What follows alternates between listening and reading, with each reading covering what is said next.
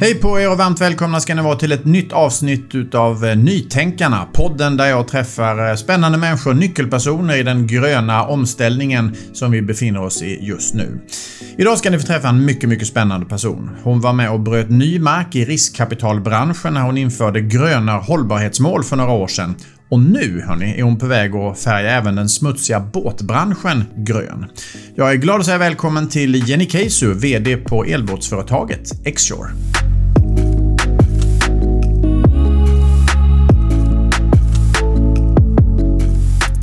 Varmt välkommen Jenny! Tusen tack! Kul att få träffa dig äntligen. Mm, väldigt. Du, eh, presentationen, funkar den? Ja, funkar alldeles utmärkt. Ja, bra. Du kommer ju från eh, riskkapitalbranschen. Du var med och grundade Summa Equity ett riskkapitalbolag de med hållbarhetsmål klara och tydliga. Alltså, där bröt ni ju verkligen ny mark. Alltså, ni var väl i princip först i världen med att införa gröna hållbarhetsmål. Hur ser du på den tiden? Ja, nej, men det var ju fantastiskt roligt. Eh, dels så var det ju så att FNs globala hållbarhetsmål, eh, de Global Goals, de kom ju sommaren 2015. Mm. Eh, och där under hösten 2015 så började vi sätta ihop Summa och lanserade januari 2016. Vilket innebär att vi var ju först ut med att då länka våra investeringsmandat och mål mm. Eh, till FNs globala hållbarhetsmål. Och det är ju Summa än idag, de är en fantastisk föregångare på det här.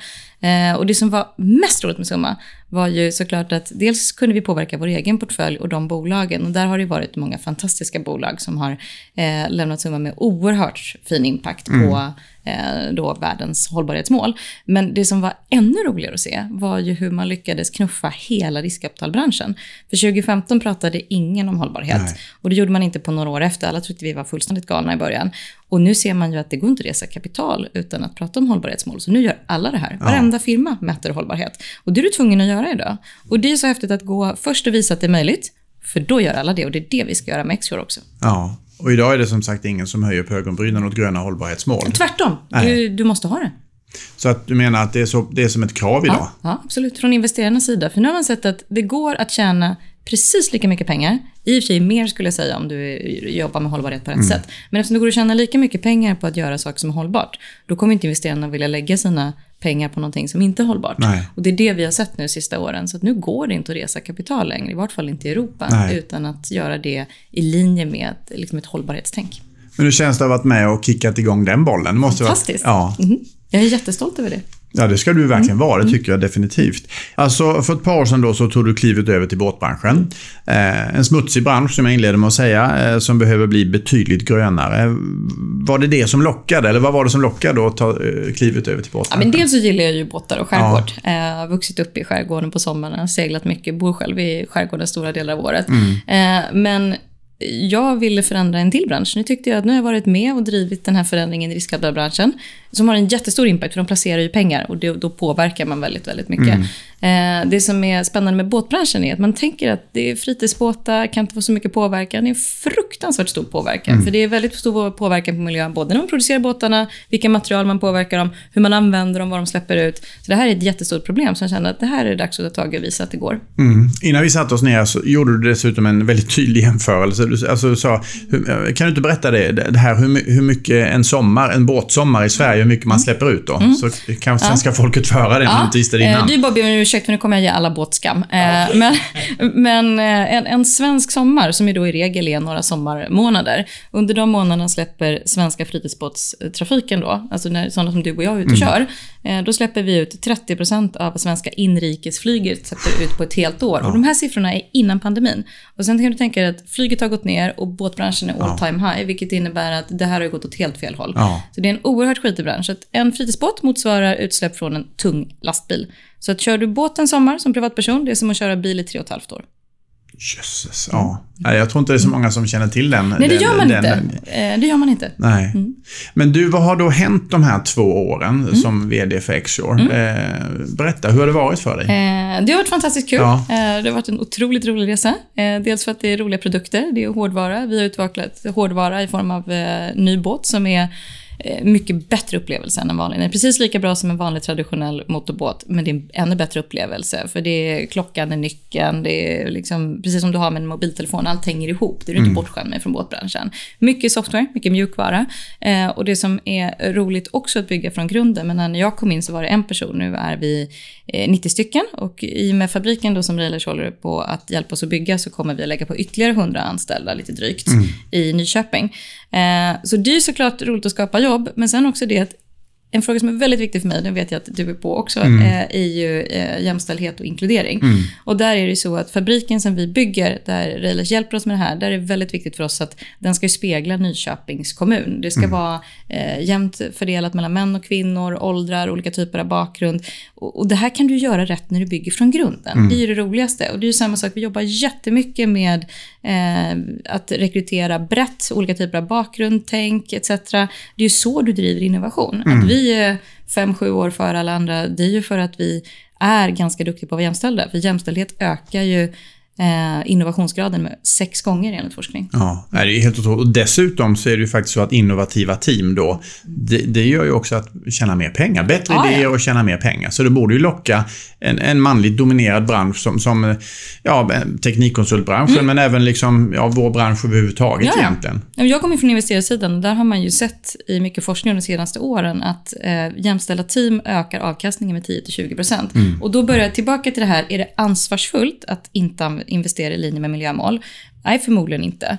Och det är samma sak, är det ansvarsfullt att investera i team som inte är ganska jämställda?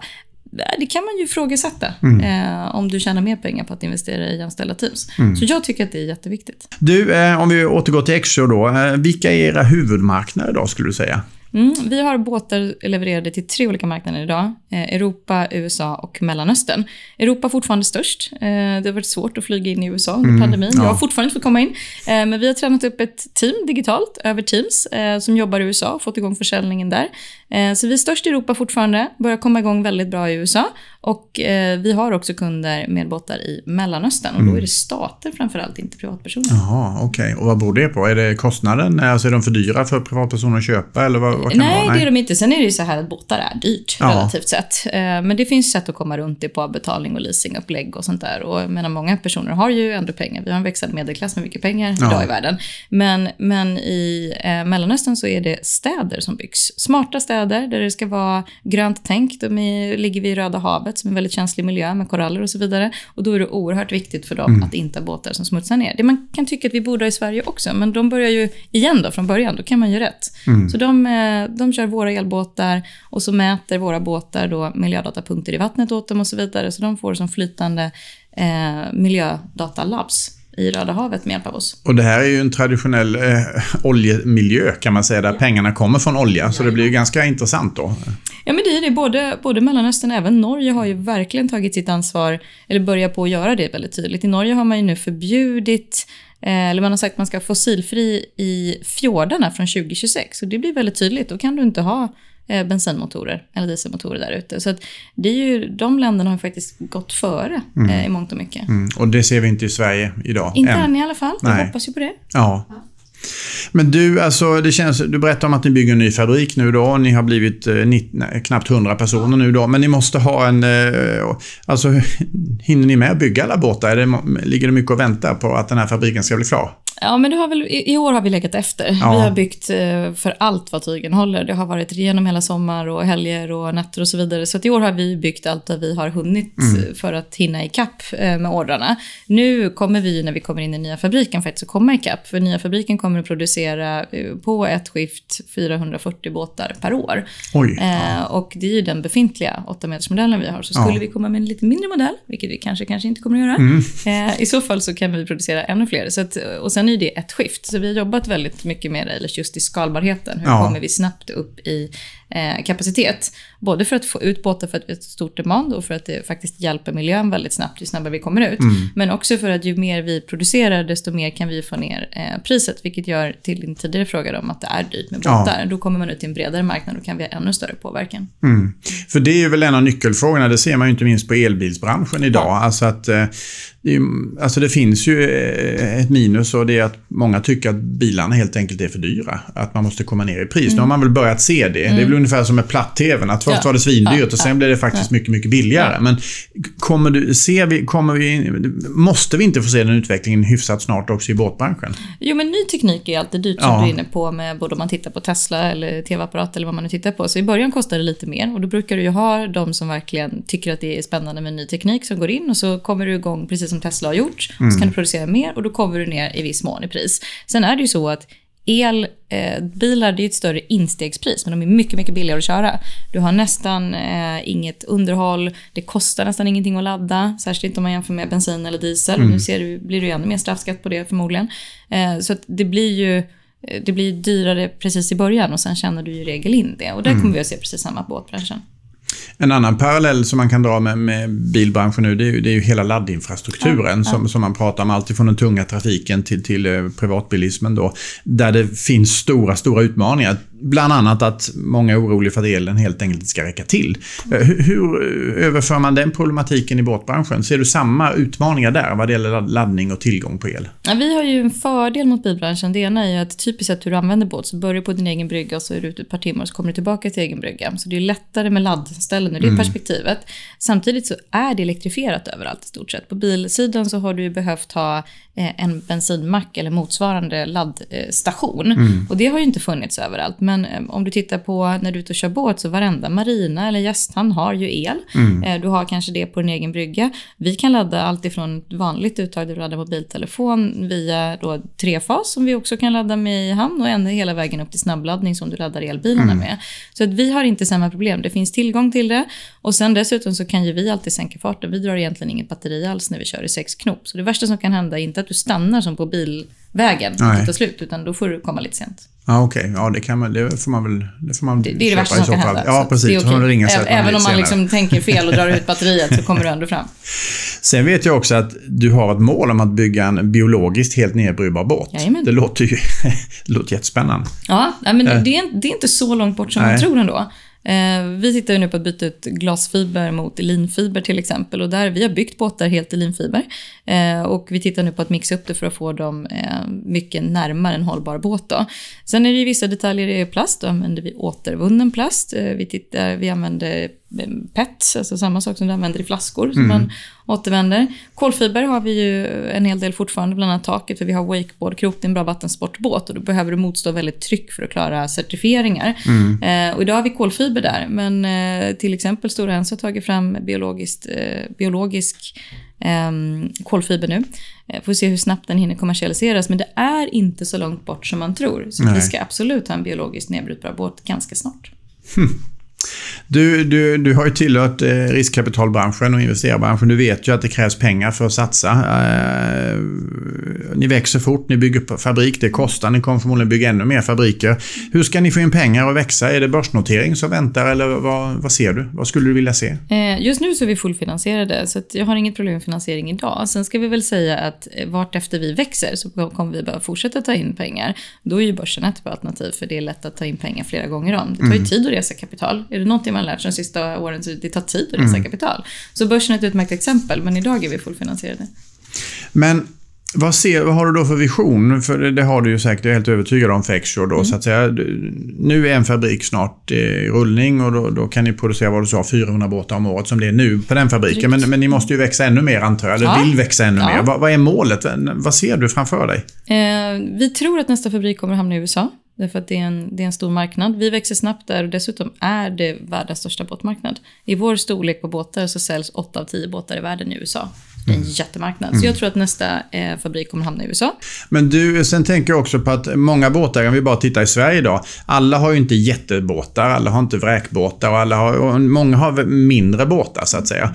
Eh, är det inte ett sätt också att tillverka en mindre båt för att nå vanliga båtägare så att säga och få Jo. dem att slå över till el? Jo, absolut. Eh, 8 metern som vi har idag, det är en fantastiskt bra båt. Stor, stabil och så vidare. Men det är ganska få som köper det som första båt. Vi har ett antal kunder som aldrig har haft båt tidigare som har köpt den. Den. Och det är för att den är enkel. Det är, det är som med en mobiltelefon, det är ganska intuitivt. Det är en stor skärm och så mm. en ratt. Eh, så det är lite annorlunda än, än den här insteget som du har till båt annars med massa olika system och, som ska lira och du måste lära dig det så att mm. säga. Så, så att det kan du göra, men, men det är bekvämare med en mindre båt, särskilt tilläggning och sådana saker. Mm. Så att, eh, nästa steg bör nog absolut vara en mindre båt för att nå en ännu bredare marknad, både prismässigt och storleksmässigt. Mm. Idag får man ju ett bidrag från staten eh, när man blir belönad mer eller mindre för att man köper en, en elbil eller en laddhybrid. Mm. Förväntar du dig samma typ av upplägg när det handlar för att, i alla fall i Sverige, för att elbåtsbranschen ska slå mm. igenom ordentligt? Alltså ska man önska sig såklart att det är alltid trevligt för att göra det lätt för konsumenter att ta ett jobbigt steg eftersom det alltid är dyrt att byta någonting. Och båtar mm. har du längre än bilar för de håller längre. Eh, så därför kan man ju tycka att det vore ju kanon om det är det. Men egentligen så eh, tror jag inte att det är nödvändigt. Vi har en så pass mycket bättre upplevelse i vår båt så folk kommer byta över ändå. Mm. Men vill man ha en snabbare omställning då är det ju väldigt effektivt att trycka på minsta moment. För det, det ser man ju att då byter folk över snabbare. Mm. Så att givet hur dålig båtbranschen är för miljön så skulle jag tycka att det eh, bra. Vi säljer alla båtar vi kan bygga i alla fall. Så det behövs inte för mitt perspektiv, men för omställningen skulle mm. jag önska det. Mm. Du har att göra, eller hur? Absolut. Ja. Du, det var väldigt kul att träffa dig och eh, lycka till och eh, vi ser fram emot en grön båtbransch också, tycker ja, jag. Ja. Tack för att ni tittade också. Det här var alltså en intervju med Jenny Case, VD för Xshore. Och eh, fortsätt kolla på Railers Play eller lyssna på vår podd Nytänkarna så dyker det upp nya spännande namn alldeles strax. Hej då! Du har lyssnat på podden Nytänkarna med Jesper Börjesson. Vill du se en filmad version av det här samtalet och andra intervjuer så finns vi på Youtube och där heter vi Railers Play. Tack för att du lyssnade!